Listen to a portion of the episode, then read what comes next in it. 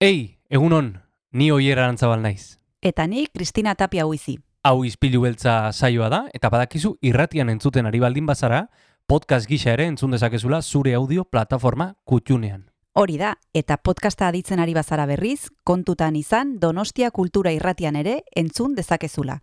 FM eundazazpi puntu lau frekuentzian. Sare sozialetan ere topatuko gaituzu noski, izpilu beltza bilatuta, Instagram, Facebook eta Twitterren. Besterik gabe, guazen gaurko saioarekin. Az gaitezen,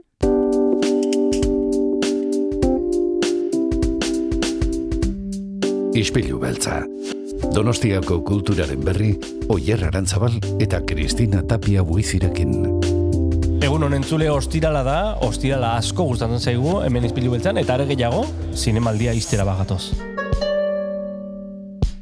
Eta zinemaldia izteko kursalaretoan jarritzen dugu, Kristina. Bai. Mai hau ja, esan daiteke, eh, reklamatu dezakegula guretzat, ez? gurea. Gurea da. Eraman dezakegu. Nik uste baiet. Bai, eh? pegatina bai jarriko diogu eta erama, eramaten dugu. eskubidea irabazi dugu, ezta? E, tira, en, zinemaldian gaude, zinemaldia izteragoaz hemen izpilu beltzean, oso intentsua izaten da, Mhm. guretzako, egunero egunero egoten garelako, eta asteburuan ere bai, Bai. e, zinemaldian, zehar.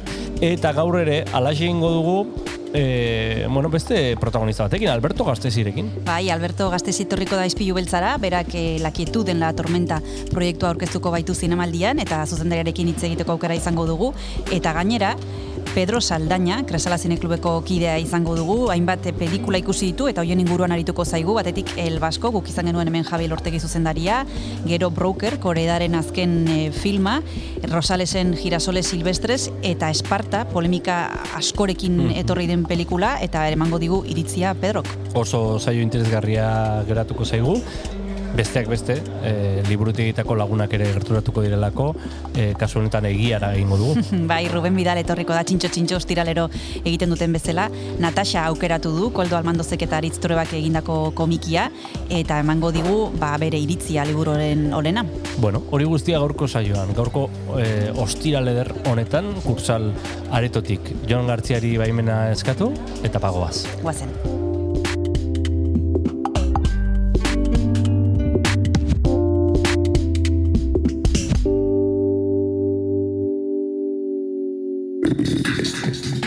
Ostiralon entzule, espero dugu zinemaldiaren azken ordu ez gozatzen arituko zaretela, gu behintzat e, ala egiten ari gara, eta gaurko ostiralari hasiera emateko Silitia taldearen zutan mendi izeneko kantu berria entzungo dugu, beraz, egunon eta guazen aurrera. Makatara da subito Mutilari Esan zuk zer da lo etxialei. Ez zeuan ezer zabalei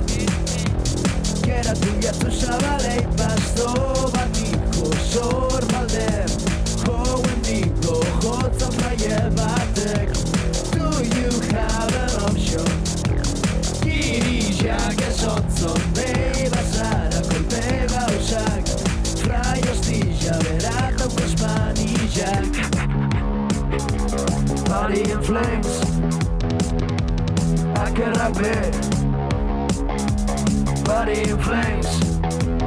A crack, brain.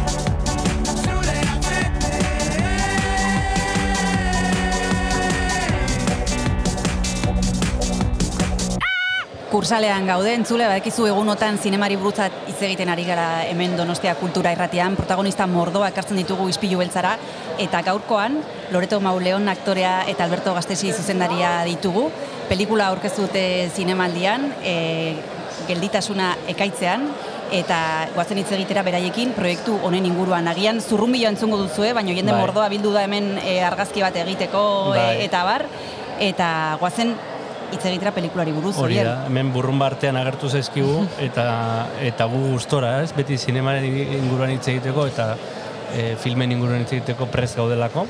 E, gelitasuna ekaitzean dakitut, dela tormenta.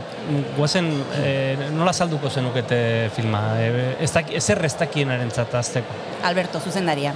Eske, galdetzen diaten bakoitzean gauza ezberdina esatet, baina Ba, hola improvisatuz, hola improvisatuz pelikula pixkat egin deun, de, egin deun moduan bezala, e, ze hola, pixkat abenturo bezala hartu dugu rodaje eta pro- prozesu guztie, e, nik uste bikoten, bikoten historia badela, e, bi pertsonen berriz e, aurkitzearen historia badela, eta hartzen ez ditugun aukerek sortzen dituzten nolabait mamuen historia bat izan daitekeela baita, eh? Loreto, zur- zuk nola deskribatuko zenuke proiektua? Bueno, nik uste Albertok oso ondo, oso ondo deskribatu dela, baina bai da e, bizitzan hartzen ditugu hainbat erabaki, bide bat e, marrazten dutenak, eta askotan gelditzen gea pentsatzen ze izango zen e, nere bizitza beste aukera bat hartu izango banu, ez? Holako galderak denok hartzen ditugu, eta askotan hogeita hamar urte inguru edo Krisia.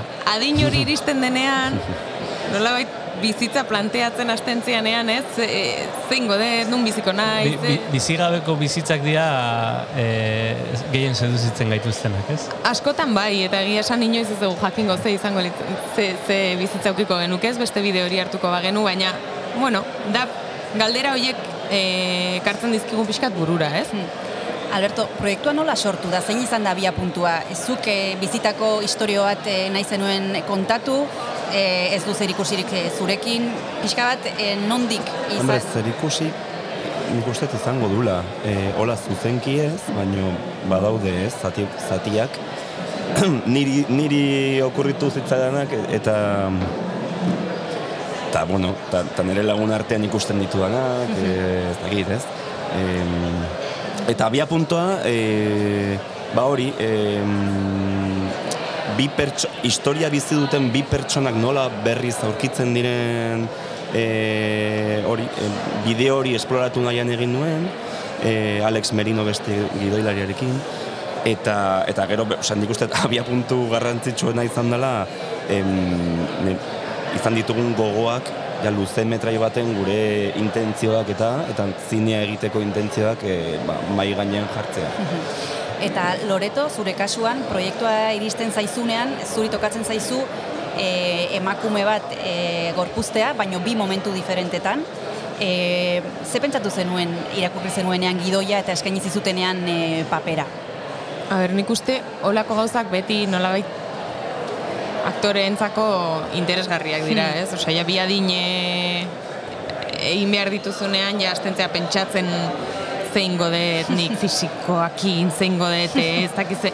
Baina egia da, polita izan dela, e, nik banekien nola idazten zuten, bi mutiko hauek. Baina e, oso polita izan da, ze nik ez da sentitu beharra, em, ez dakit nola esplikatu gehiago egiteko. Osea, idatzita nola zegon, eramaten zintun e, gazteago edo helduago e, sentitzea. Eta, eta hori ez da oso, bueno, ez dut oso e, normalean ez da olako testu bat e, jasotzen, nire ustez. Osea, sensibilitate berezia daukate hortarako.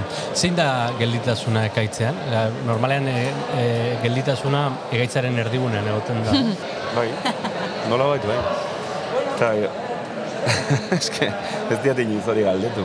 E, mira, pelikularen estena garrantzitsuena edo historia e, bueno, resolbitzen den e, estena, ez? E, bukaerako estena klimatikoa, e, hogei minutuko Bai, elkarrizketa bada, eta eta hori, ba, ba bai, bi pertsona joiek em, salmenta dagoen, dagoen pisu hortan e, izaten duten estena hori, e, nun kanpoaldean ekaitza okurritzen ari, Hmm. ari den bitartean. Osea, que nik uste bai ekaitzaren erdialdean dagoela.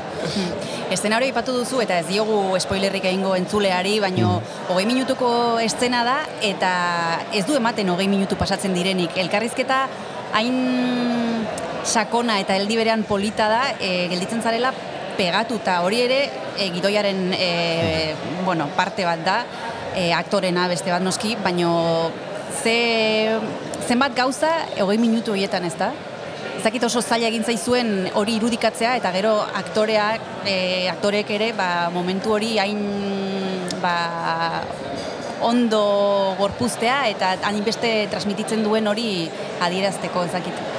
Nik uste, osea, ez zaila egin, baina pelikula proiektu osa bezala, osea, e, ema, e, hartu ditugu aukera arriskutsuak mm, Bai. bastante, Bai, debo ze, dizente. hogei minutuko Eta sekuentzi bat Esan arriskutsua dezuna, da. adibidez, osea, hola, guain ikusita, denbora egin ikusita, pentsatzet oso arriskutsua dela, eta mm, egin dugun moduan gainea, osea, denbora oso gutxi izan dugu eh, errodatzeko, ez, e, e, aurrekontu murriztua izan dugu, osea, eta horrekin pelikula bukatzea edo ez, e, hortan dependitzea pelikularen bukaera oso e, aukera arriskutsua da.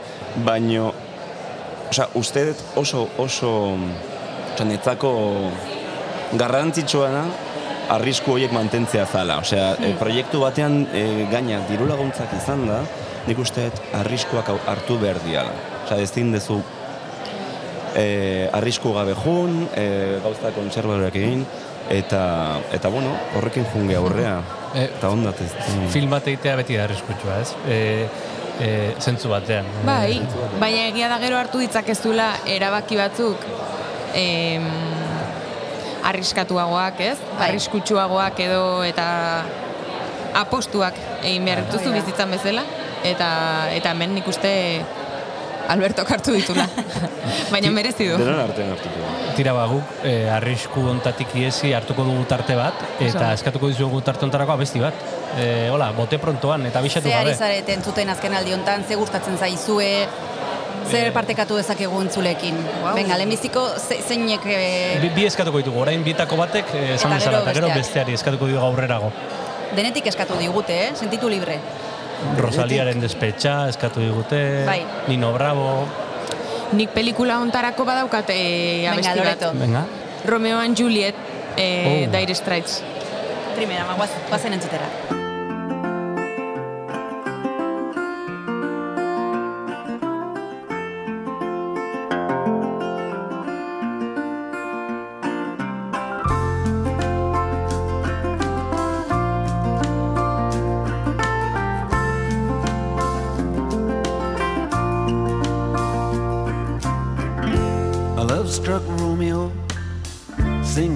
A serenade, laying everybody low with a love song that he made. Find the streetlight, steps out of the shade, says something like, You and me, babe, how about it? Juliet says, Hey, it's Romeo, you nearly give me a heart attack. He's underneath the window. She's singing, Eli, my boyfriend's back. Shouldn't come around here singing up at people like that. Anyway, what you gonna do about it? Juliet, the dice was loaded from the start. And I bet, and you exploded into my heart. And I forget, I forget the movie song. When you gonna realize it was just the time was wrong, Juliet.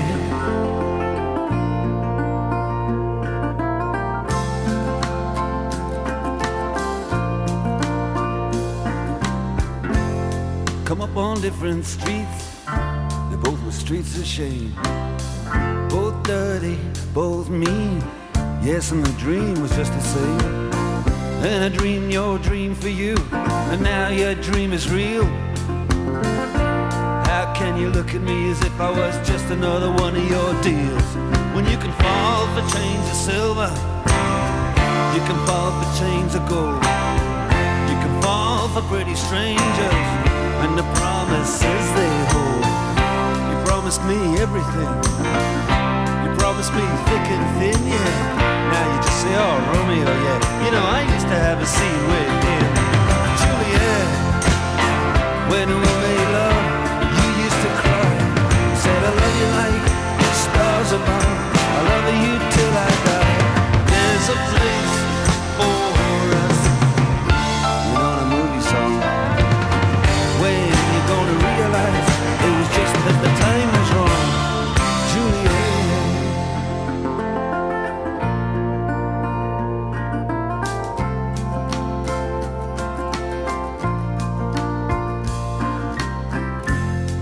I can't do the talk so like the talk on the TV.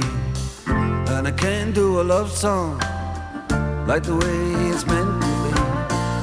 I can't do everything, but I'll do anything for you.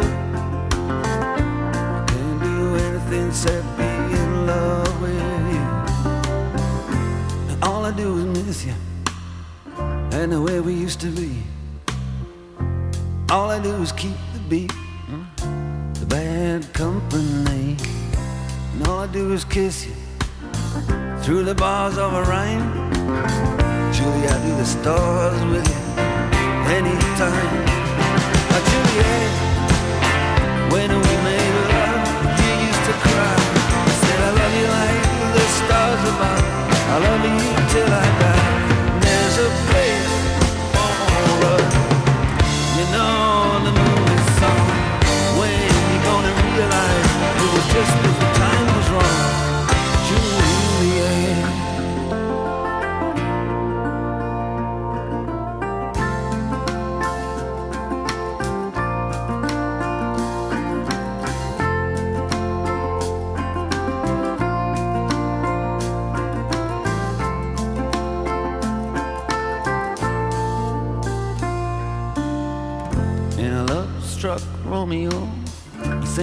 streets a serenade, laying everybody low with a love song that he made. Find a convenient street light, steps out of the shade, and says something like, "You and me, babe,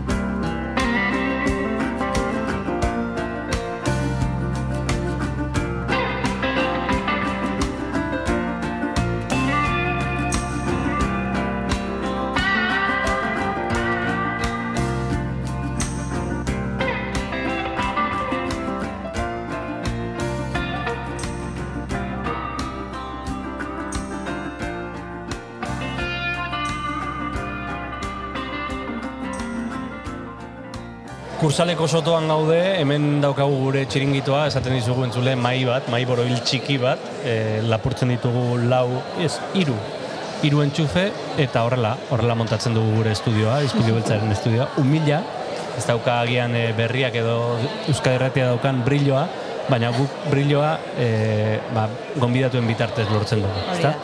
E, eta gaur, nolako bi gonbidatu, Bai? Loreto Mauleon eta Alberto Gaztesi ditugu proiektua aurkeztuko dute hemen eh, zinemaldian eta ari ginen hitz egiten orain bertan arriskuen inguruan. Arriskuietako bat da txuri beltzean grabatzea, Alberto? Eske hori etzan, e, osea, hola konst, konstienteki hartu genuen e, aukera hori. e, osea, ideia, hasieran ja oso hasieran ideia etor, etorri, etorri zenean, e, zuri beltzen etorri zen, ez? Nolabait hori ja automatikoki hori ideiakin zegoen. E, izan daiteke arriskutsua, izan daiteke ez arriskutsua, ze horrek laguntzen du, ez daukazunean, e, bueno, e, diru asko, la, e, arte eta lokalizazioak zaintzeko, ze pixkat unifikatu egiten, eh? pixkat baita lagundu, lagun- lagundu indigo. Gero egia, egia da, zuri beltzak alde hori dauka, gero badu ere e, e, bueno, e, estetika, ez? E, eder bat ere, eta bestetik ere zailagoa da saltzen. Telebistei zailagoa da saltzen hainbat lekutan, ez? E, gertatu zaizue hori? E, bueno, guaindik hori ez da, ez da iritsi, osea, egun prozesuaren erdian gaude, guaindik, e, osea, festival gehiagotan egon nahi dugu, gero zinemaretoretara jun.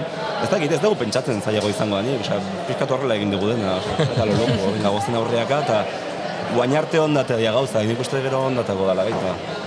Bai, aipatu duzu pare bat aldiz Alberto prozesua izan dela pixka bat, e, bueno, ezakit improvisatu hitza gehiagian, baino Gehiegi, e, bueno, e, gontzaretela pixka bat sobre la marcha edo e, horrela lan egitea gustatzen zaizulako edo proiektu hontan horrela suertatu direlako gauzak. igual proiektu hontan hori gehiago gertatu da. Eta ez hainbeste sobre la marcha, baino, baino bai bai irekita egotea guretzat garrantzitsua izan da.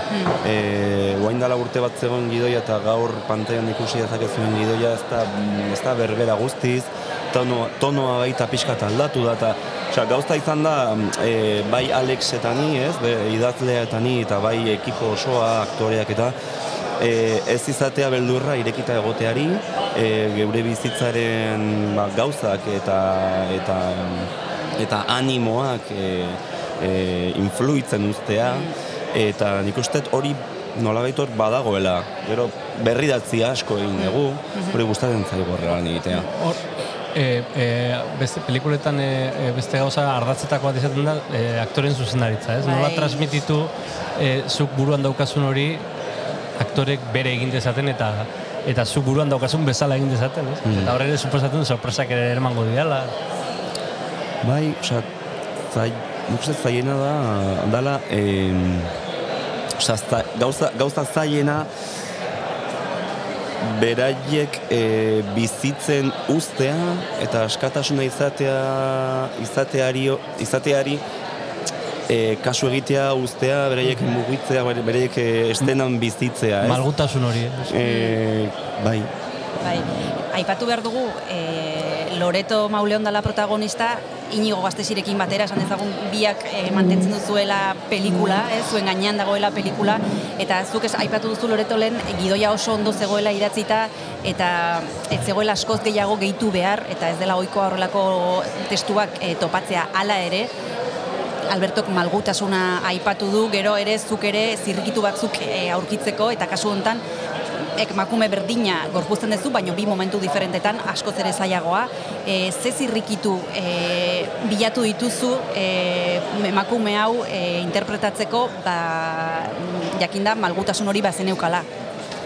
Ba, nik uste hori, naiz eta, osea, nik sentitzen un oso ondo idatzita zegola, berdintzuelako bapatean bezperan hitz bat aldatzea edo esaldi bat aldatzea ze zentzua, zentzu guztia zeukan. Eta inigoke lehengo egunean esaten zuen bezala, egun baten iritsi zitzaigun bertsio bat, azken sekuentzi famatu hor, horri buruz. Bezperan izan zen. Bezperan. Eta bapatean biok beldurtuta, ez? Osea, hasten zaizkizu zure zure beldurrak eta eta ikasteko eta noiz hasiko baina irakurtzen zenunen irakurri eta esan genuen, bale, ezin digu ezer esan hobeto dago, oraindik hobeto dago. Orduan, mm, gertatzen zena da, behaiek idazten duten modu baten, interpretatzeko orduan, sekuentzia bakarrik doa.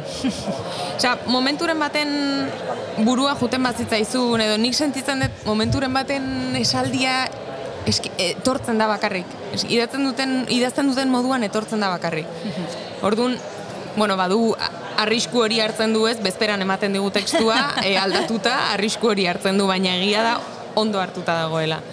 Eta gero, bueno, ba, bakoitzak aurkitzen dizkio bere zirrikitua, baina baita ere nik uste e, alde batetik jokatzen genuen bentajakin, ze denok ezagutzen gea, ondo ezagutzen gea, lan egin dugu lehenago elkarrekin, eta naiz eta labur batean, osea, e, film luze batean ez izan, badakigu nola egiten dugun lan, orduan badakagu konfiantza eta errespetua gauzak ondo esateko eta eta malgutasun hori ondo aprobetxatzeko eta nik uste bakoitzak eh, aportatzeko. Ez? Tira, e, elkarrezketa intensgarria izaten ari gara, baina Alberto nik uste denbora eman dizugula bigarren abesti aukeratzeko. e, Usi jo mobila begiratzen. A ber zer daukan hor. Bai, Ez, e, eske da, badago talde bat gustatzen zaitena pilo bat, e, Twin Shadow izena duna, Twin Shadow. Twin Shadow, eta bere abesti bat, por ejemplo, Saturdays izenekoa oso oso gustuko dut. E, ba, Oso entzun, animatua egiten. entzun egingo dugu, larun batak. Entzun Oso. dezagun. Zu animatua, ni Larun batak. zu goruntz.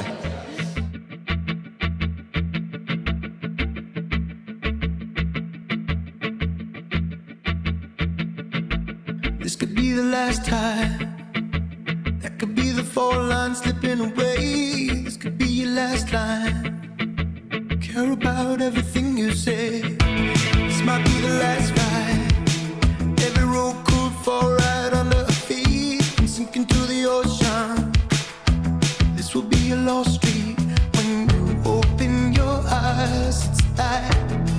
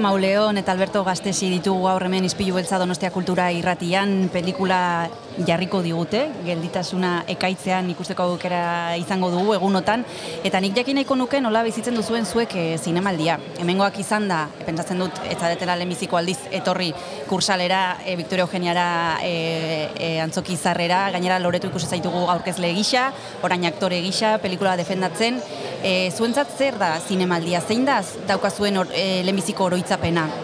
Ikusle ezela pentsatzen dut. Bai, ikusle bezala lehenengoak nigo oratzen dut amarekin. Zu, zu ere ne- zure amarekin. Osa, ez dauketola oroitzapen konkretu bat, baina bai osa, oso argi daukat, txikian nintzenean eta eta gaztean nintzenean, fíjate. e, osa, mo, urteko momentu zoriontsuena hau zala. Osa, hori Wow. seguro.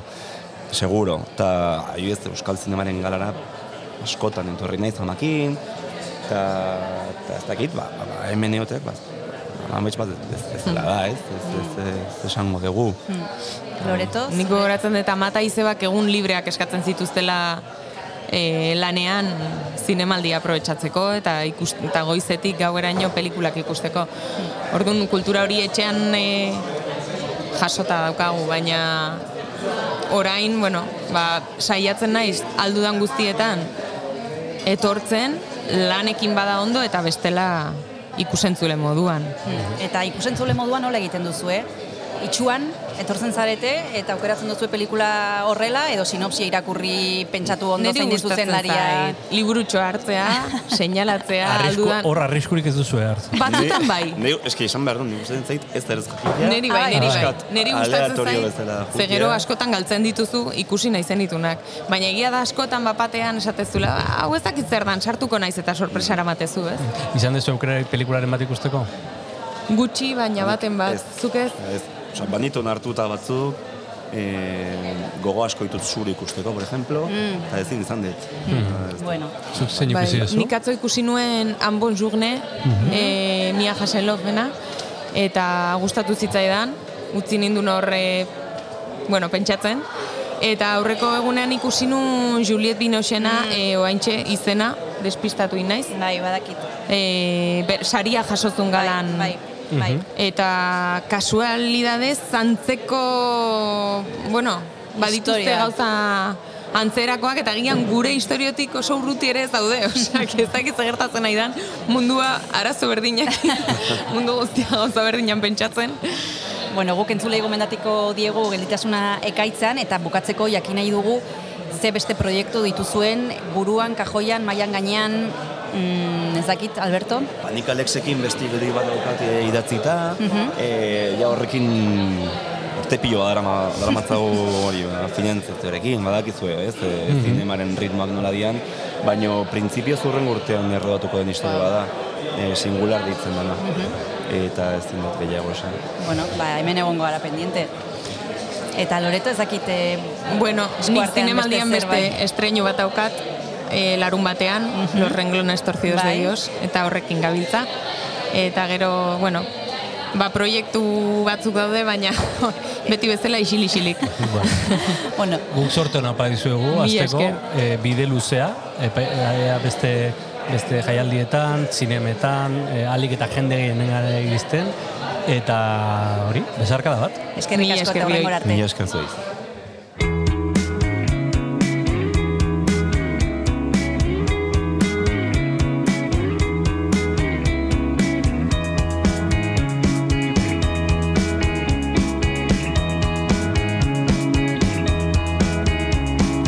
Ah, paso todo el día pensando en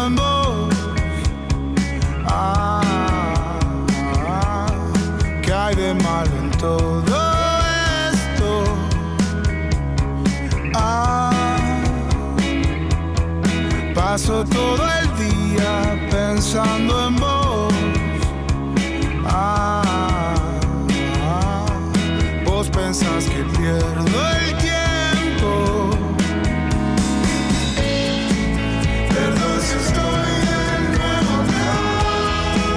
Pensé que habías preguntado por mí.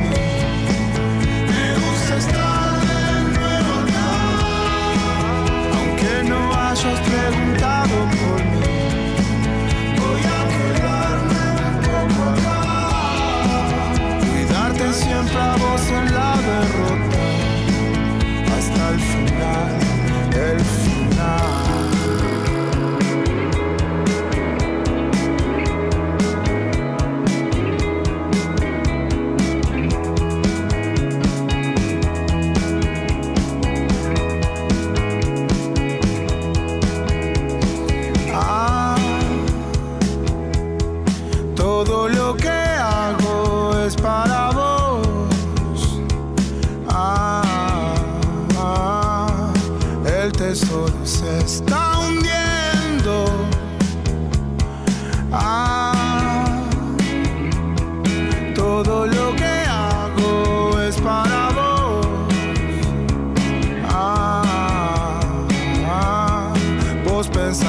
pierdo el tiempo. Perdón si estoy de nuevo acá. Pensé que habías preguntado por mí. Me gusta estar de nuevo acá. Aunque no hayas preguntado por mí. Voy a quedarme un poco acá. Cuidarte siempre a vos en la derrota.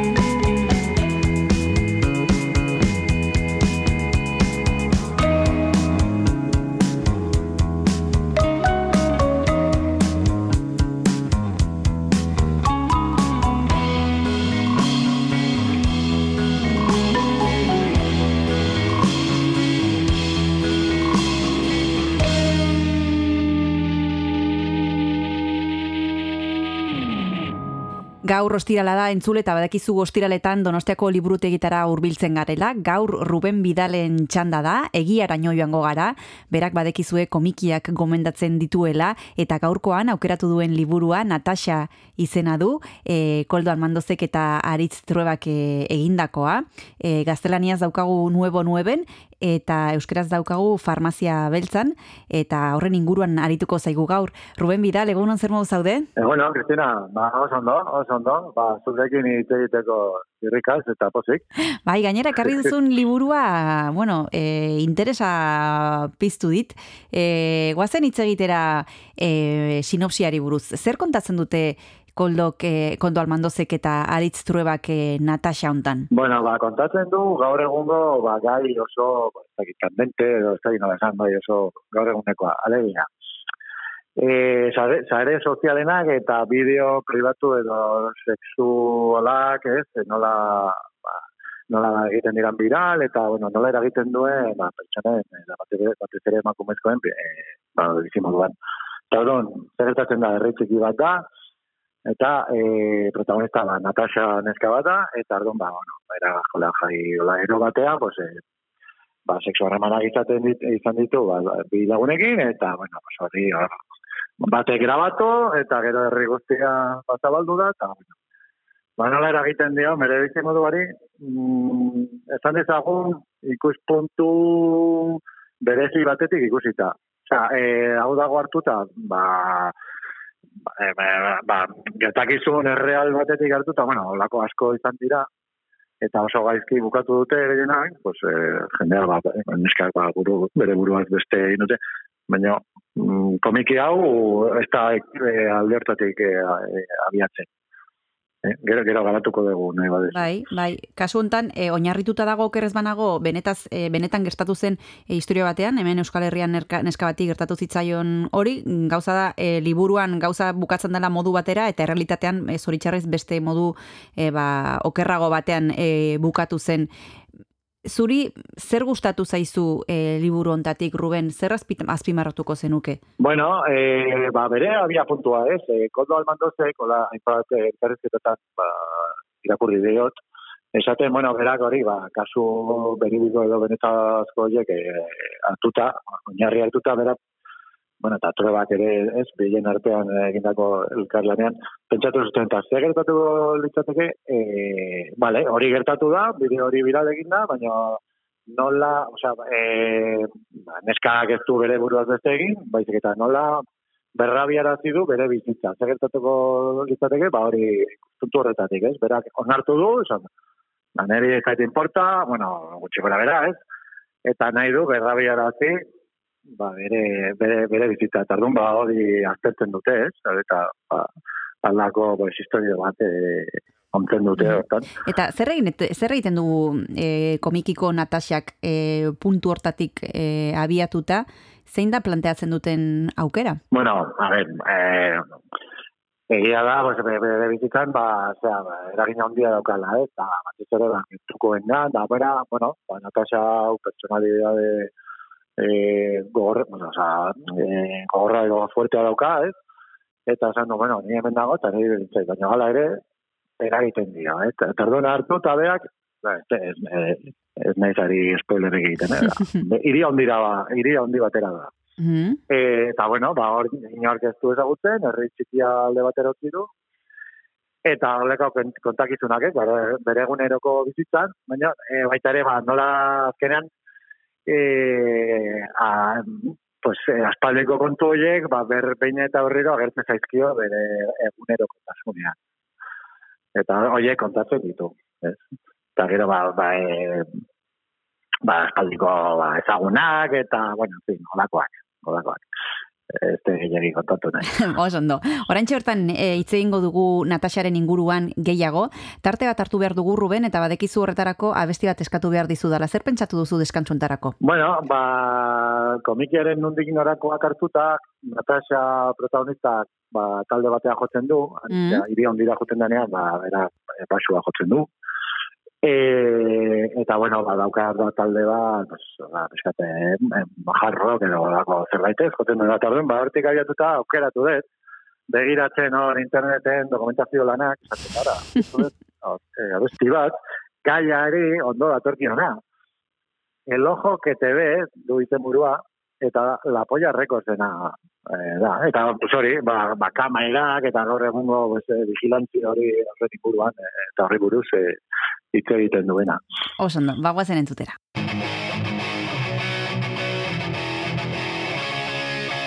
en el banco y en la estación, escondidas en la esquina, en el centro de la ciudad, en las calles de negocios, a tu espalda o frente a ti, se despliegan en silencio. sembra un artista a meno che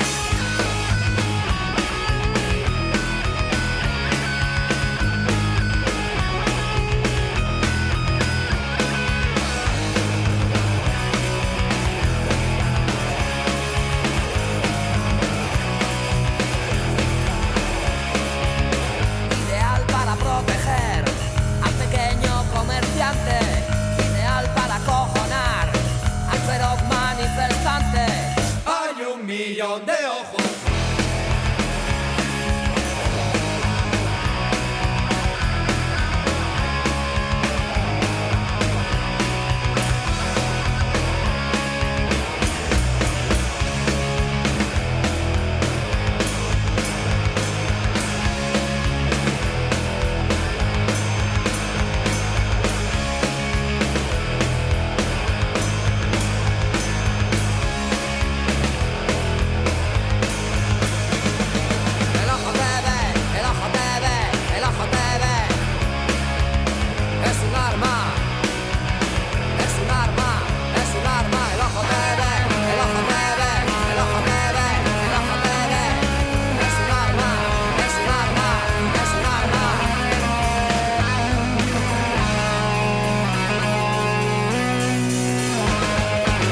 Donostia kultura irratian gaude, izpilu beltzan jarraitzen duzu, entzule, eta gaur badekizu liburutegietara hurbiltzen garela, ostirala delako, eta Ruben Bidali tokatu zaio, egiaraino joan gara, berak badekizu gomendatzen dituela komikiak, gaurkoan ekarri du Natasha izena duen liburua, koldo almandozek eta aritz truebak egindakoa, nahi izan ez gero gazteleraz nuevo nueben dago, eta euskeraz farmazia beltzan, eta ginen hitz egiten, ba, nola, e, kasu hontan liburu honek e, fokua jartzen du sare sozialetan, eta sare sozialek eragiten duen e, ba, minean, eh, ere esan dezakegu, ze Bai, bai, mina bai. bada, ze e, puntu batzutan e, iristen dira e, ba, afektatuak e, ba, erabaki oso gogorretara, ez?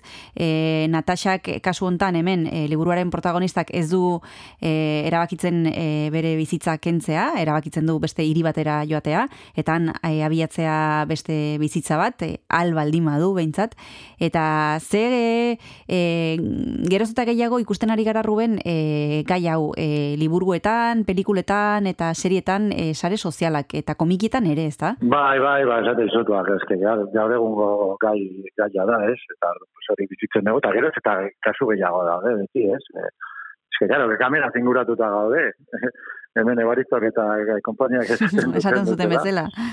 Bai, perdón, bas hori, hori azkenean, artelanetan eta literaturan eta, pues azaldu behar, du, tarteka. Mhm. Guazen hitz egitera autoreen inguruan, e, Ruben, e, Koldo Almandoz batetik ezaguna dugu e, zinemagilea delako eta bere pelikulak e, ikusteko aukera izan dugulako, zinemaldian egonda dago, eta bar, e, ez dakit zertan edo zerbaitetan nabaritzen den bera berez zinemagilea dela, eta ez dakit ikuituren bat ikusten zaion e, nunbait edo edo ez dakit Bai, bai. zerbait. Ba, izan ere, a ber, ba, Koldo Almandoz, bere pelikuletan, bere filmetan, e, interesatzen zaio, ba, bueno, e, ba, filma izanik, ba, irudia azpimarratzen du, ez? E, irudiek e, itegin dezatela.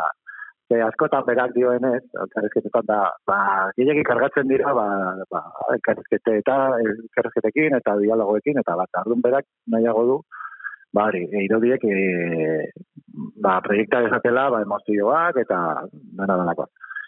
Eta orduan e, aldertatik ba hori hori bera komikira ere eramaten du. E, truebaren, aritz truebaren e, laguntzarekin. E, eta gero baita ere dauka ba, no, ritmo edo tempo bat, ez? Berak dioen bezala, hori eramaten du komikira ere bai. E, alegia, ba, ze, da, ez da ritmo biziko kontakizun bat, ez? Baizik, eta eguneroko bizitza, eta orduan ba, tempoa, ez? Edo narrazioa, eh, mantxoa, ez dakit, ez, osea, baina, hori, azkenean da, ba, eh, espresioak edo emozioak, ba, nolabait, eh, agerian jartzeko, ez? Perdun, ba, hori, dialogo, dialogo gutxiko komikia da, bere film batzuk bere olako Bai. txakizaten dira. Eta horta, horta ni gertu zaio. Bai, eta esan behar dugu, aipatu behar dugu Ruben, hau berez, eh, hasieran proiektu hau e, pelikula bat izan behar zela, eta, bueno, Bai. hainbat eh, ezakit zergatik, baina azkenean pelikula etzen izan, eta komikia izan zen, ezakitzuk e, badakizun zergatik azkenean etzen pelikula izan. Bueno, ba, azkenean diru kontuak izaten dira, Mhm. eh? Bueno, pues, proiektuak aurkezten dituzu, eta, bueno, finanziazio ere lortu, eta, bueno, gero, ba, bere zagun lagun trobarekin, esan dut, ba, ez ez dugu egiten komikiak. Eta gira zan, ba, eh, eskertzekoa izan da, ze Hmm. komikia atera zaie, eh, bueno, bila. Dera den, eh, ez dute historio hau eh, pantailara eraman, baina eh, azkenean telesail bat estrenatu omen dute orain, eta berak eh, zitzen du lehenbiziko atala, olako zerbait. E, intimidad, uste. da, Bai, bai, bai, bai, bai, izenburu. pilpilan... Eta azkenean ga- gaia berbera da, eta Bai. hor azaltzen dira, oin, ezagunak dira aktore eta, osea, bai, Bai. aktore, txar. Nola da, casa de papeleko... no, Itzi neska- Hori da, Hori da. Bai. Holakoak azaltzen dira, Mhm. bai, eta... Bueno, azkenean pizkat, pues, azkenean lortu du, nolabait, beste historio batekin, baina antzeko, antzeko zerbait. Mhm. Aipatu dugu e, igertzen dela Koldo Almandozen eskua, e, dialogo gutxi, e, testu gutxi dagola Nataxan, eta marrazki aldetik, e, Ruben, zer azpimarratuko zenuke? Beste behin hitz egin izan dugu Aritz Turebaren inguruan eta bere lanaren inguruan, kasu hontan nolakoak dira marrazkiak? Bueno, ba, beraiek nunbait erabaki zuten, nik irakurri nuenean, esan nuen, jo, eh, marrazki hau estilo, ba, gogorazten, gogorazten di Sebastian Vives, frantziar komikigile tutsu bat.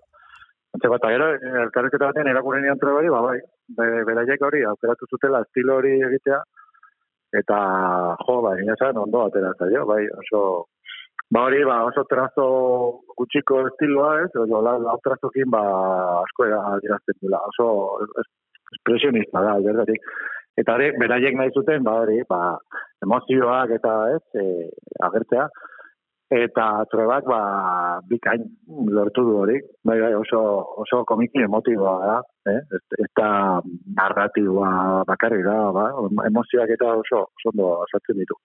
Bigarren tarte hartu behar dugu, Ruben, e, lehen entzun dugu Lapoia Records, ez dakit eh, orain zer entzun dezakegun, zer partekatu dezakegu entzulekin. Bueno, nik Natasaren talde hori, pues, eh, ikusita komikian, ba, burura etorri zitzaidan lehenbiziko gauzatzen berri txarrak.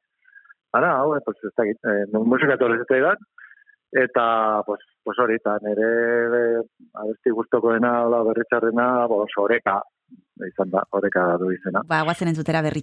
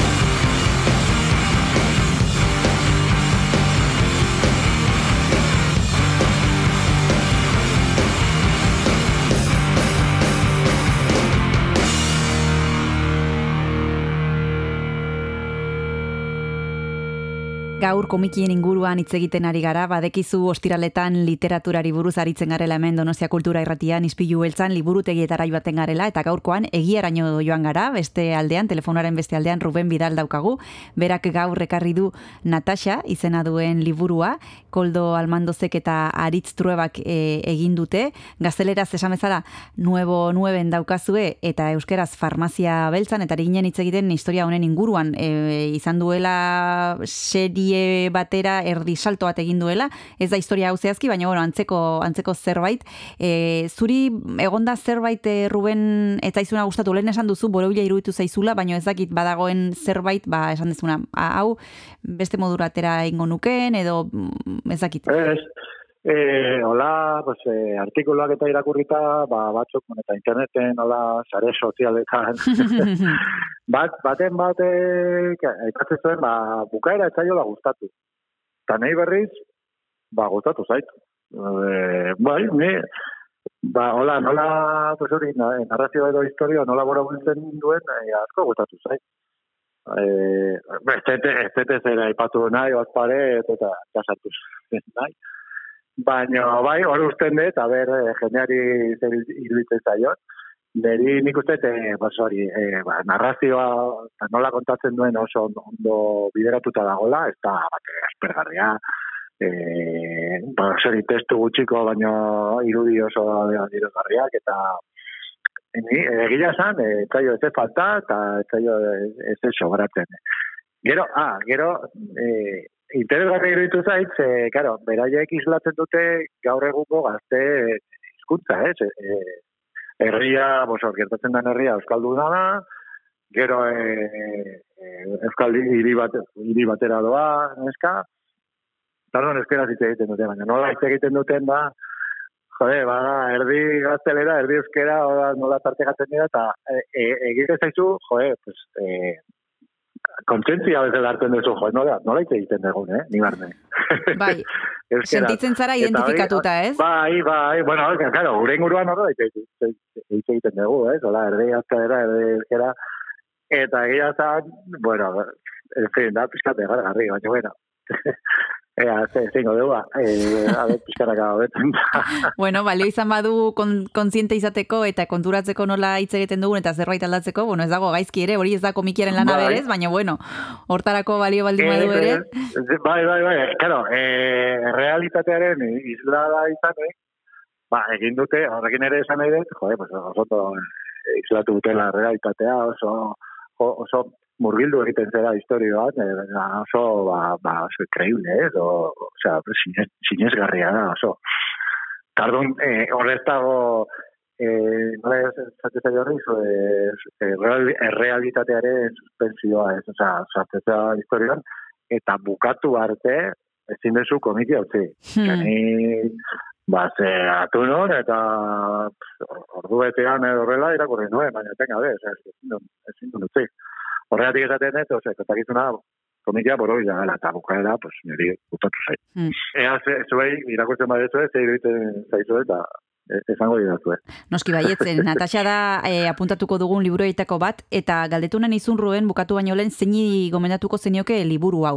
Adin guztientzat da, e, gazteentzat, Bai, bai, ez ga, e, igual bai, gaia ez da gogorregia da eta e, e, e, helduentzat, e, zuk liburutegian norbait etorriko balitz, zeini gomendatuko zenioke. Ni gazte gomendatuko nieke, bai.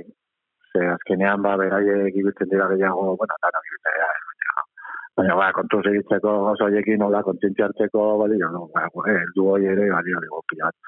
Bai, bai, hori, a ber, ba, gaia zuriosun moduan, ba, ba, gogorra da, baina, haizu, horri ere aurre inarko dio, eta, bai, nik uste, eh, gomendagarria da oso. Mhm, Bai, ikastoletan da, ba, bai, bai, bai, bai. Primeran. Bueno, ba, ba, pues, eh, eta gero, hola, oso eh, purista, hola, pues, eh, bilutxeak eta ikusten dira, baina, bueno, oi, eta, eta grabe iruditzen, en fin.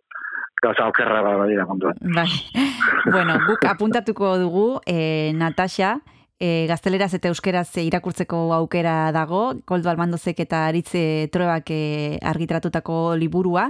Eskerrik asko Ruben Bidal, Ispilu Beltzara olako gauzak ekartzeagatik. Apuntatzen ditugu Ba, txintxo eh, esaten dituzun guztiak, eta ea entzuleren bat ere animatzen den, eta gero iruzkina bota, Ruben, ibadekizuen ondagoen, egiako liburutegian.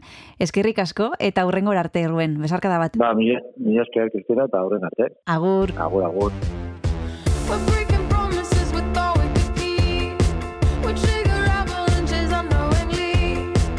Georgia.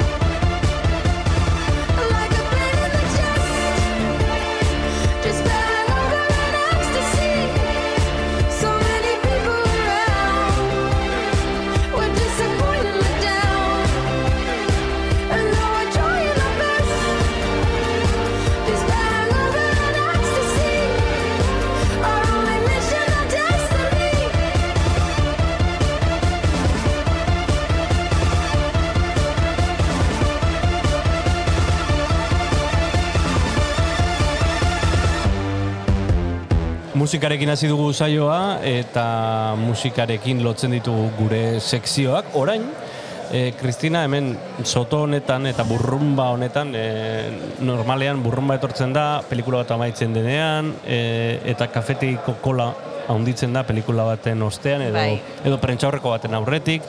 E, zinemaldiko giroan murgiluta gaude, eta zinemaldiko giroan ekartzen ditugu ona gure gonbidatuak. Onenak gainera. Onenak. urte guztian e, laguntzen digute, ulertzen e, pelikulak eta esplikatzen dizkigute pelikula pila bat, pelikula ederrak, eta gaur ere horrela izango da. Pedro Saldaña Kresalazenik Klubeko laguna ekarri dugu, azken aurreko eguna dugu, bihar bukatuko da jaialdia, pelikula pila ikusi ditu, eta batzuen inguruan arituko da hemen gurekin hitz egiten. Egunon, Pedro, ¿qué tal estás? Hola, buenos días, muy bien. Bueno, la primera película que nos vas a traer aquí a Ispillu Elcha es una película rodeada de polémica desde hace ya varios días. Muchos de los oyentes sabrán de qué estamos hablando, pero alguno es posible que no. Si te parece, vamos a contar brevemente cuáles son los previos de esta película. ¿Qué ha pasado antes de que llegara aquí a Donostia? Por lo visto, un diario alemán se hizo eco de, bueno, pues de la, denuncia de, los padres de unos eh, chavales eh, que eran los actores de, la película. Por lo visto, se debió incumplir alguna de las normas eh, del rodaje con, niños. No sé exactamente a qué se referirá, puede que se hayan excedido en el tiempo de grabación, no sé cuál es el máximo que puede estar un niño grabando, igual son ocho horas, igual son siete horas, igual estuvieron una hora más.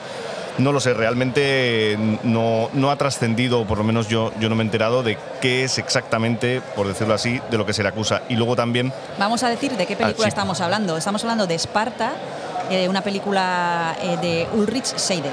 Mm. Sí, y eh, más allá de eso también ha habido polémica y no es la primera vez con eh, el tema que trata la película. Estoy recordando una película que nosotros luego echamos y que por aquí pasó por eh, Zabaltegui, de Trouble with Being Born, eh, que tuvo problemas también, si no recuerdo mal, en un festival australiano. La retiraron del festival porque hubo quien se quejó porque era una película que abordaba el tema de, de la pederastia. Pues vamos a escuchar el tráiler y seguimos hablando sobre la película. Hércules, Ze- Zeus de eh, Puteri, Fides, Zeus de Fidelity, De Zeus de Nunu, no, no, no, no, no, no, no, no, no, no, no, no, Apollo, Odysseus, Spartacus, Neptunus. Neptunus, Genius, Raspuinich, Stás sin línea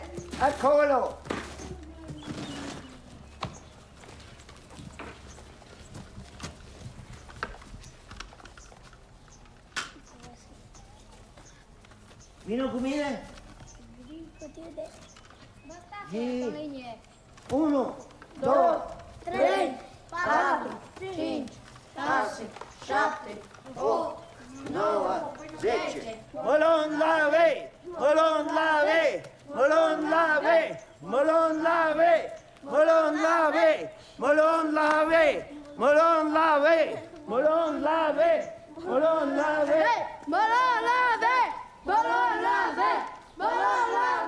Esparta filmaz ari gara hitz egiten Pedro Saldañarekin, eh, polémicas jositako filma. Vamos a indagar un poco en la Mm. película y en lo que nos cuenta. Bueno, primero vamos a decir que Esparta eh, viene con esa polémica y que el director, por esa polémica, ha decidido no venir, ni el director ni nadie del equipo está defendiéndola aquí en Donostia y que, bueno, la película se ha tenido que defender sola. ¿Tú que la has visto? Mm. ¿Qué nos puedes contar? Creo que la película se defiende sola. De hecho, eh, si no recuerdo mal, es, es lo que dijo Ulrich Seidel, que es el momento de que sea la película la, la que hable por sí misma. Es una película, hay, hay quien eh, le ha acusado, eh, una vez vista la película en Twitter, bueno, ya sabéis, la gente se calienta mucho, eh, le ha acusado de, de- de- de hacernos empatizar o de, o de romantizar la, la pedofilia, que es el, el tema de la película. Y yo la verdad es que no puedo estar más en desacuerdo porque es una película que formalmente eh, es especial. Es una película que no tiene primeros planos, en la que mm, en ningún momento nos acercamos eh, mucho, mucho al, a- al personaje. Siempre lo vamos a ver en planos medios y planos generales. Siempre a cierta distancia, nunca... eh, digamos que entrando y, y a mí me da la, me da la sensación de que ese esa es la idea que tiene Ulrich Seidel mostrarte esa realidad tal y como es. La realidad de un tipo que está enfermo tal y como es. Sin eh, quiero decir son sus propios hechos los que le juzgan. No no tiene además eh, eh, digamos que no es la película la, que le juzga, sino el espectador viendo la película entiende perfectamente tomamos distancia con él y que en ningún momento nos acercamos ni le, ni le compadecemos. Le, le podemos ver sufrir en, en algún momento, pero eh, eso no, no creo yo que signifique que tengamos que empatizar con él y, y darle una, una palmadita en la espalda, por decirlo de alguna manera. O sea, que te ha gustado. A mí la, la película me parece que está muy bien, me parece que trata el tema. Es que además es, eh, eh, es un hombre que nunca llega a, a consumar. O sea, es un hombre que, que quiere estar rodeado de niños y de hecho al principio se ve que intenta tener, al principio de la película tiene una relación con, con una chica y, y ya se ve que, bueno, pues que, que no se le levanta, eh, tiene, tiene algún tipo de problema y a partir de ahí vamos viendo pues cómo se va acercando a los niños, monta una escuela de judo eh, con asistencia gratuita eh, a la que después llamará Esparta, de ahí el título de la película, a ellos los tratará como gladiadores, les enseñará lucha grecorromana y judo. eh, pero ya digo, es una película que yo creo que lo hace de una manera tan sutil y tan... eh, con esa distancia con, con el personaje y a la vez también mostrándonos las carencias de otros personajes. Quiero decir, sí, él es un enfermo y será lo peor, Pero luego hay otros personajes en la película, que eh, algunos de los padres de, de los niños, que tampoco son buenas personas en sí mismo. Hay una secuencia, por ejemplo, en la que matan un conejo, eh, en la que obliga a, a, a sus hijos a, eh, bueno, lo dice de hecho literalmente, tienes que humillar al enemigo, tienes que machacarlo, no, no puedes, quiero decir, no existe la conmiseración ni la piedad eh, por alguien, por ejemplo, que se ha rendido en, en ese padre. Y, y eso también está en la película, quiero decir, al fin y al cabo, a mí me da la sensación de que es un, un retrato de nuestra sociedad. Nos vamos a tomar un descanso y para eso te voy a pedir que nos propongas una canción para compartir con los oyentes. ¿Qué nos has traído, Pedro? Vale, pues hoy os propongo eh, Doctor Green Thumb de Cypress Hill, una canción noventera. Perfecto, pues vamos a escucharlo.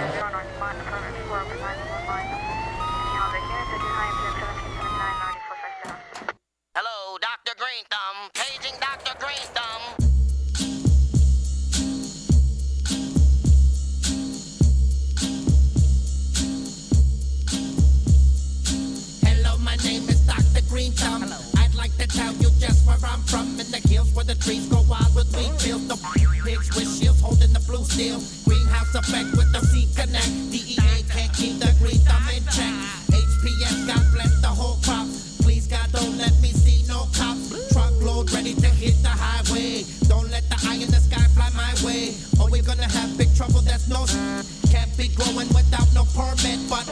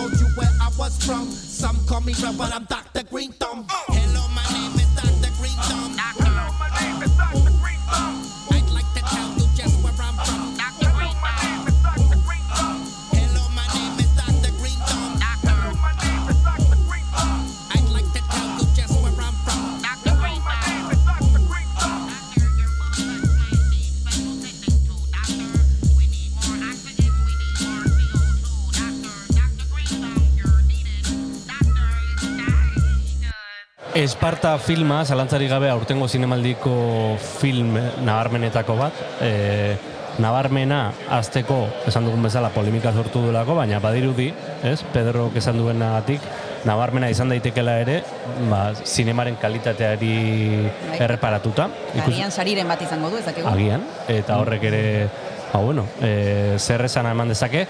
Mm, agian beste filmat aipatu dezakegu, con Mm. qué película podemos seguir? Pedro? Pues Girasoles Silvestres, por ejemplo, es otra película que también vi, eh, también de sección oficial, que me pareció también una película bastante interesante. Pues vamos con el tráiler. Yo también estoy mejor sola, ¿eh? Paso de los tíos. ¿Qué te ríes? Sí, sí, ya sé que está mejor, pero no me lo creo. Eres carne de cañón, cariño. En cuanto pasa una mosca. Alex, ¿Cuánto tiempo? ¿cuánto tiempo a tener dos hijos? Quise subir al cielo Tía, me escribe mucho tu hermano, ¿eh? Tía, tú ni le contestes, ¿eh? que se canse. Yo quiero que a partir de ahora me llaméis papá. Yo ya tengo un papá. ¿Y esta es nuestra habitación? ¿Y esto cómo lo vamos a pagar? Pues currando, ya está. Yo he echado mucho de menos a los niños. Y ellos a ti también. Yo en dos semanas tengo un permiso. Son dos días, pero si queréis aprovechar para hacer algo. ¿Qué pasa? ¿Me estás siguiendo o qué? ¿Yo?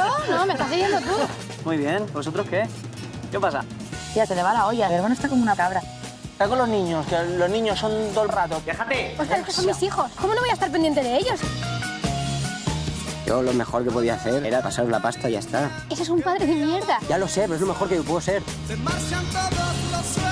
Este chaval está loco por quedar contigo. Le gusta desde que era el chaborrillo. Un momento, ¿has dicho primera cita? Pero vamos a ver, ¿a qué hemos venido?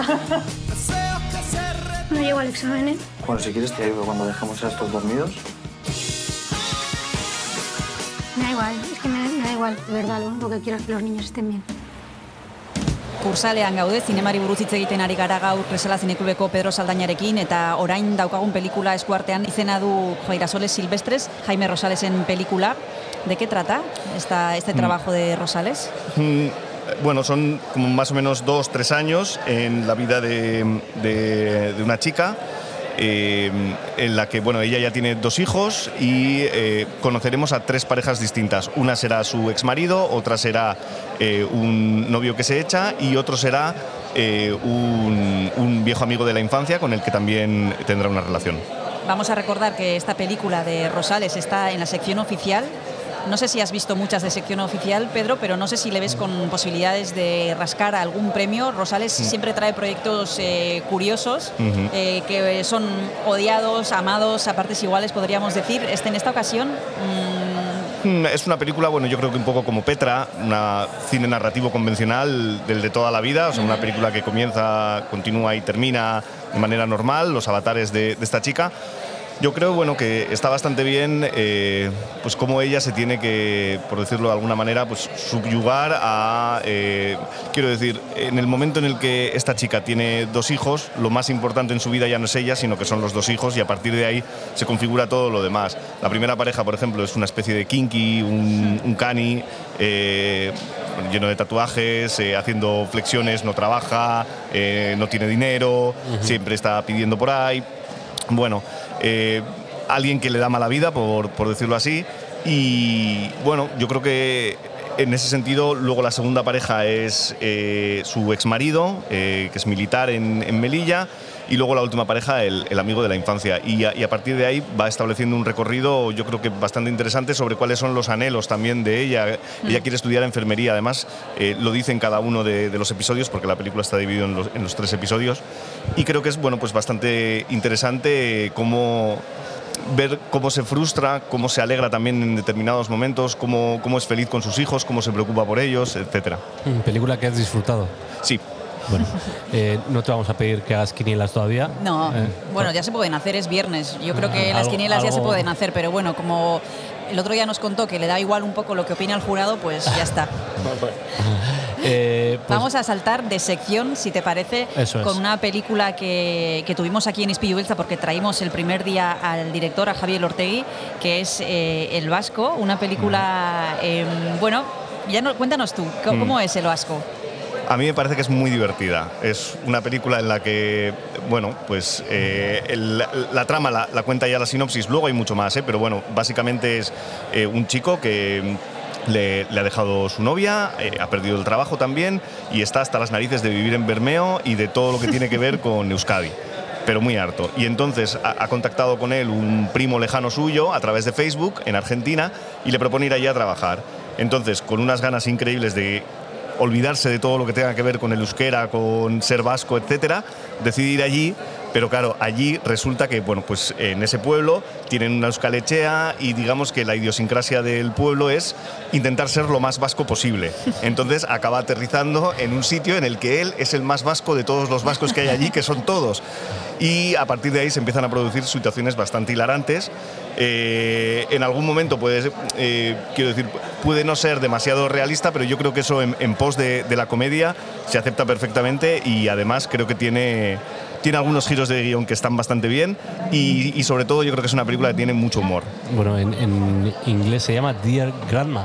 Eh, Sí, porque ahí, según nos contó el director, juega un papel importante la abuela Mm. de ese primo lejano, que es en teoría la familiar Sí. eh, que les une a, a los, a los protagonistas, ¿no? Y mm, gracias a, gracias a Joseba Usabiaga, que es el protagonista de la película, la abuela, que está enferma, empieza a recordar cosas de su pasado y empieza a hablar en euskera incluso. Sí, sí, sí, sí, y además es bastante gracioso. Ahí yo creo que se emparenta un poco con, con las mismas ideas que puede tener películas como Goodbye Lenin o Underground de, Cu- de Kusturica y es... eh, le hacen creer a la abuela o la abuela cree que es eh, su hermano Sí.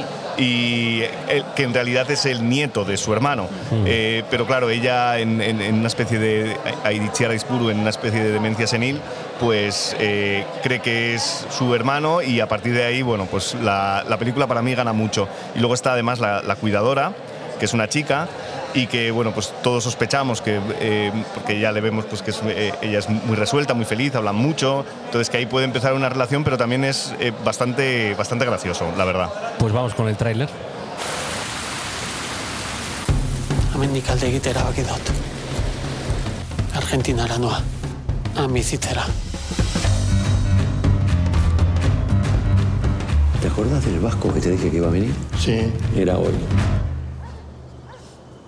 Hola. Hola. Miquel es vasco. Ah, Como todos acá. ¿Cómo anda el Vasco? ¡Acur Vasco! ¡Hola, Stavi! Miquel Amezaga. Te viniste hasta la otra punta del mundo, pero te vas a sentir como en casa. ¿Mi empresa? Todo esto va a ser la empresa. Ese es Miquel. Mirala, está tan contenta de verte. Te vas a tener que dar unos días a casa, ¿ves? ¿Aquí? Qué bonito que es ahí, ¿eh? Es hermoso. Mira ese paisaje. Muy lindo. Creo que tiene hambre.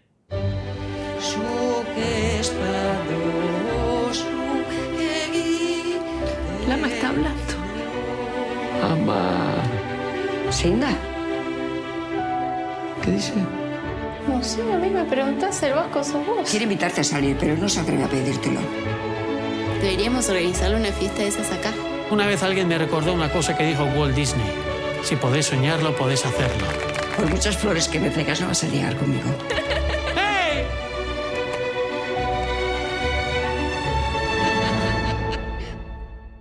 ¿Pero qué?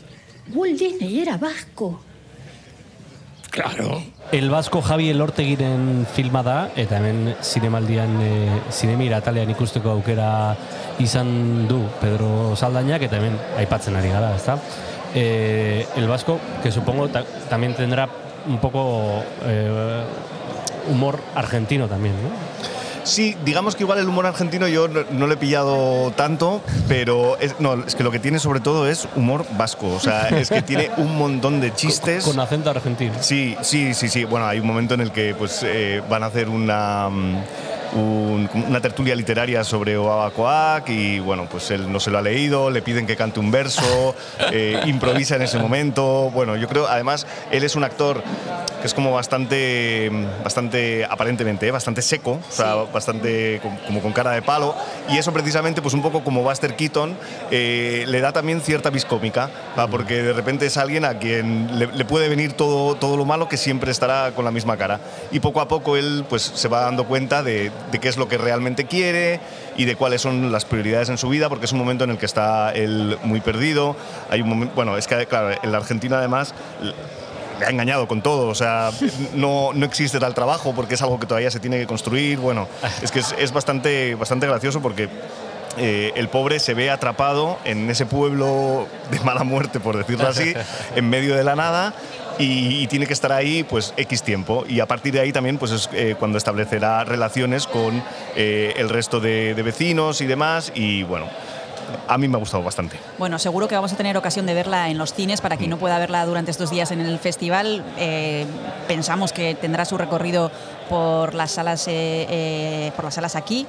Vamos a pedirte la segunda canción para tomarnos un descanso y volvemos hablando de la última película, la- el último trabajo de Coreeda. ¿Qué podemos escuchar ahora? Mala vida de Mano Negra vamos con ella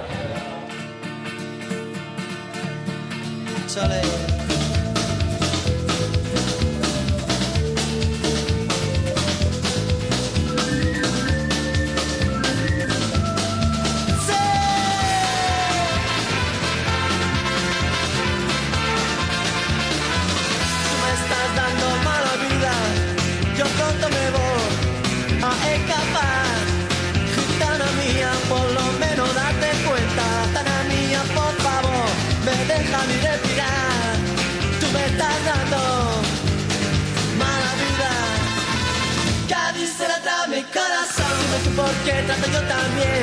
Cuando tú me hablas como a un cabrón. Tana mía, corazón estás sufriendo. Tana mía, por favor Sufriendo.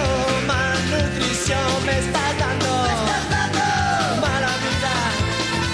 Ya dice la mi corazón. Dime tú por qué trato yo también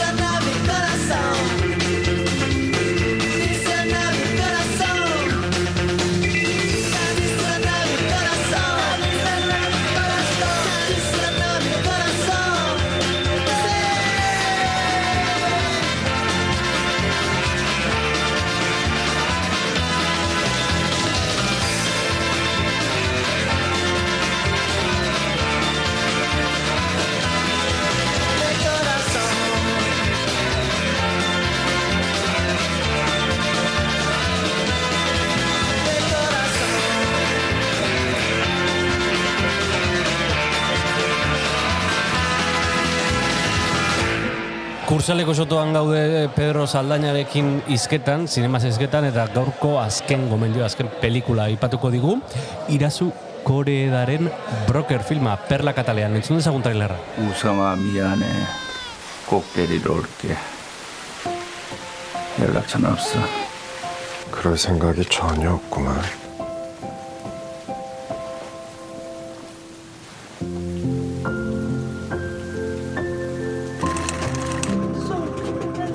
우성아, 우리랑 이제 행복해지자꾸나. 응? 내 엄마가 찾아갔다고? 6개라뇨? 아니 무슨 말씀을 그렇게 키워줄 부모를 찾는 거지. 선이라고 해야 되나? 선이 좋아하시네. 그냥 브로커잖아. Irazu Koreeda, Pedro, eh, broker. Mm. Una película también, en mi opinión, muy muy interesante porque eh, ya desde el principio de la película se revela que es así. ¿eh? Estamos, eh, seguimos lo- las vicisitudes y, y avatares de dos traficantes de, de- de- de niños, de bebés, en Corea. El actor es Hong Kang-soo, que es el actor fetiche de, de Bong Joon-ho. Eh, y bueno, a lo largo de la película eh, iremos siguiendo, eh, le seguiremos siguiendo en, en la venta de un bebé.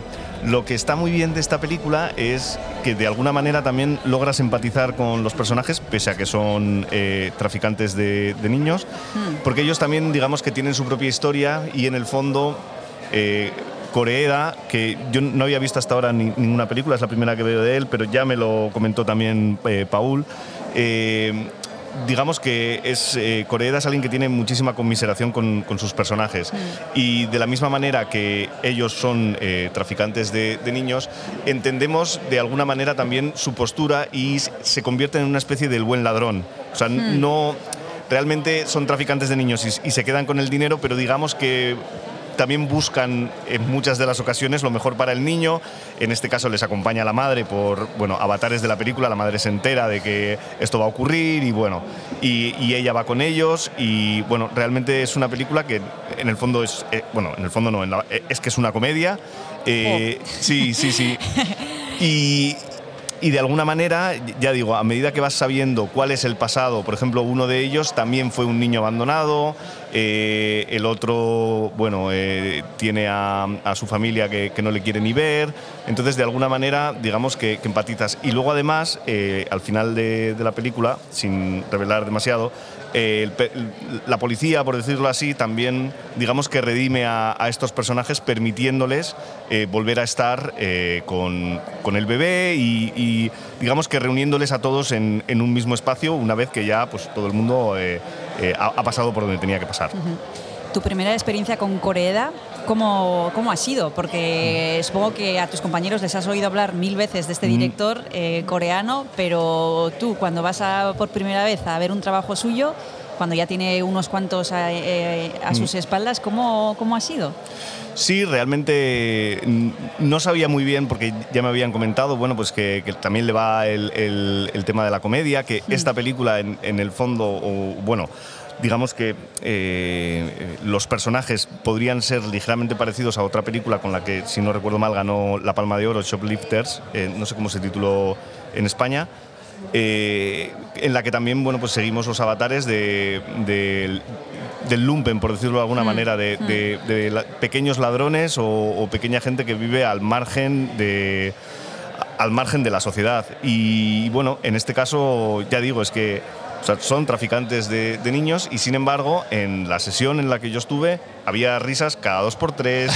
Quiero decir de alguna manera enseguida eh, logró ganarse a la gente eh, Coreeda para, para su película Bueno, pues ahí queda mm, la última película que nos has recomendado hoy, Broker, de Irasu Koreeda. Y bueno, nos despedimos. Nos despedimos porque ya no vamos a tener más a Pedro Saldaña. Bueno, le tendremos eh, durante el curso hablándonos de las proyecciones de, de- de Cresala, pero no hablándonos de las películas del festival. Ha sido un placer eh, tenerte aquí con nosotros, que nos cuentes eh, tantas cosas eh, de, de cine, Eso que es. nos ilustres. Aurida.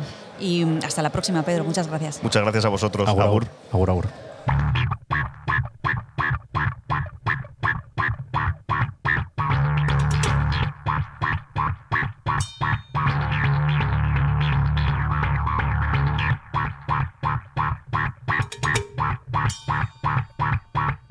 Look at that there fool, he's talking lots of shine to turkeys in the rain, filling heads with brine. A fancy little fool with fancy little ways, churning bullshit in the butter, cause butter always pays. But who's the bigger fool? Is it the fool? Is it the fool that knows the fool? Is it the fool that knows the fool that knows the fool? Oh, fool that knows the fool that knows the fool that the fool fool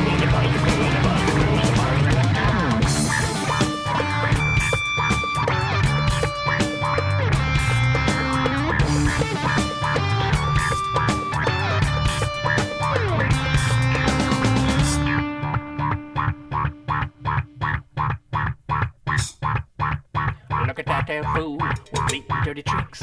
Must be made of Teflon, cause nothing ever sticks. Dancing around the room while farting in the breeze. Friends huff it down like it's American cheese. So who's the bigger fool?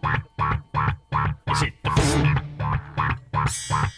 Is it the fool that calls the fool? Is it the fool that calls the fool that calls the fool? Oh, the fool that calls the fool that calls the fool that calls the fool that calls the fool that calls the fool that calls the fool Música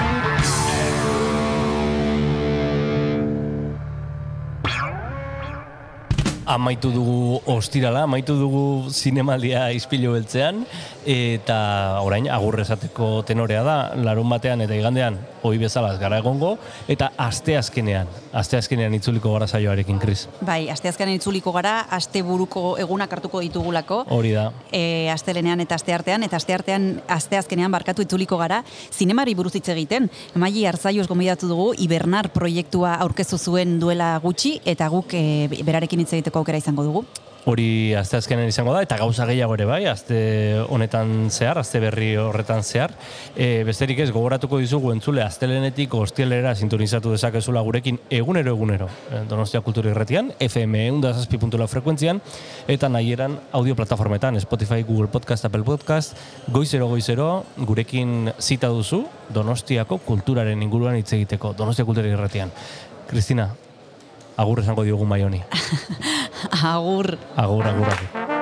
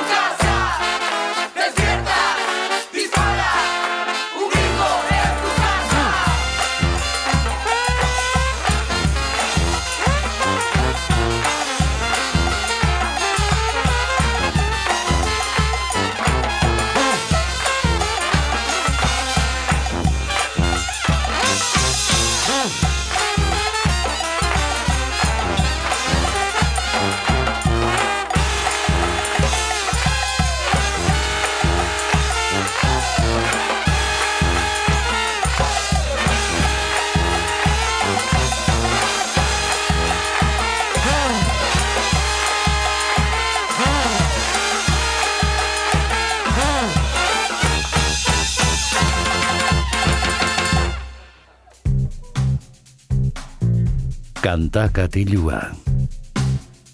Jon Gartziaren eskutik. Ostiralon entzule iritsi gara zinemaldiko aste berezi honen azken uneetara, kantakatilura iritsi gara eta beraz e, musika zagurtuko dugu zinemaz betetako aste berezi hau. Baina Juan Bainolen e, badakizue atzo entzun bazenuten saioa Florist taldearen Florist diskoa entzuten hasi ginela lehen zatia entzun genuen eta gaurkoan bigarrena entzuteko aukera izango dugu. Beraz gustokoa izan bazenuten badakigu bigarren zatia ere asko gustatuko zaizuela eta alaxe hasten da berrogeita hiru izeneko kantuarekin.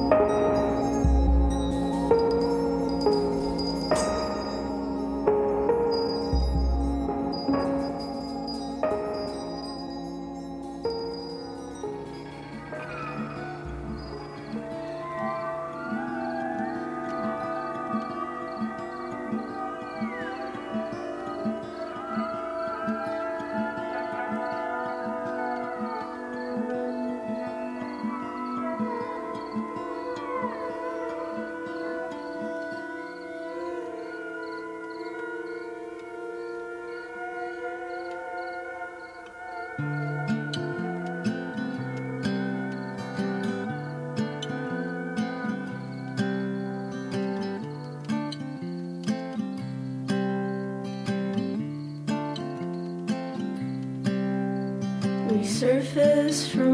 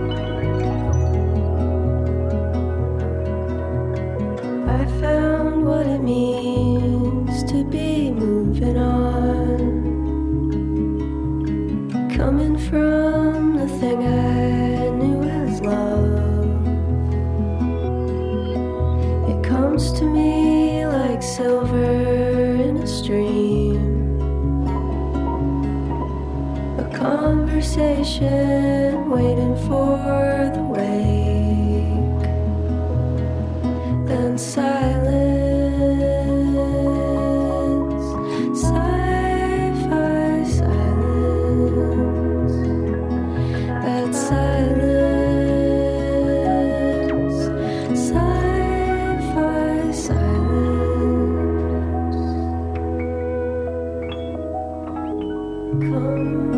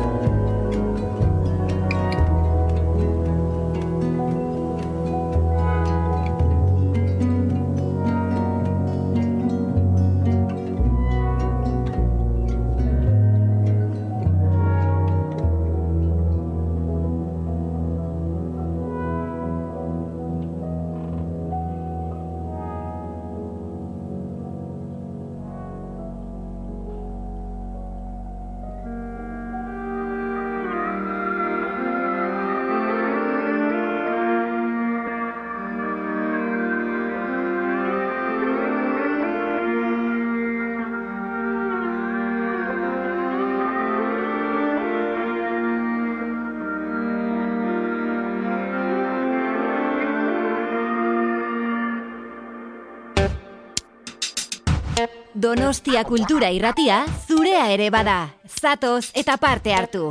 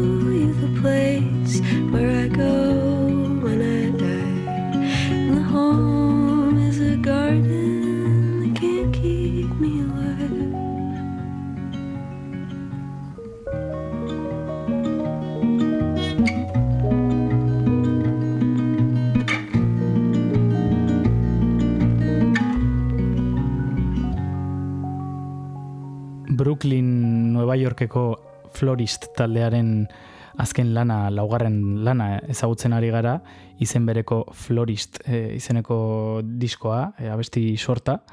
Horain txentzun dugu Dandelion izeneko kantu ederra. Eta tira jarraituko dugu entzuten eta ezagutzen gaurko saioari agur esan baino lehen eta asteburua gogoz hartu baino lehen. Hau da Bells Part 3.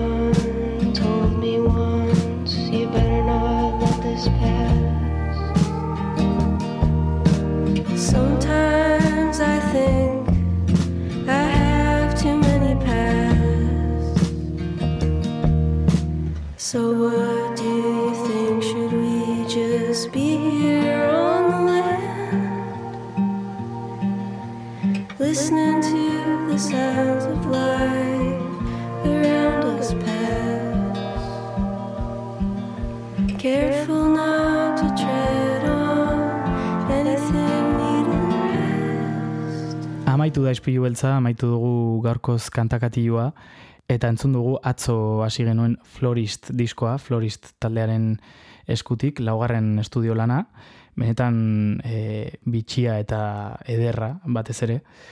Gu bueltan izango gara asteazkenean, e, gu asteburu luzera goaz, zinemaldiko saioen ostean, beraz, e, espero dugu asteburu eta aste hasiera bikaina izatea, eta orduan entzungo dugu elkar, asteazkenean, beraz, e, asteburuan eta ondo pasa.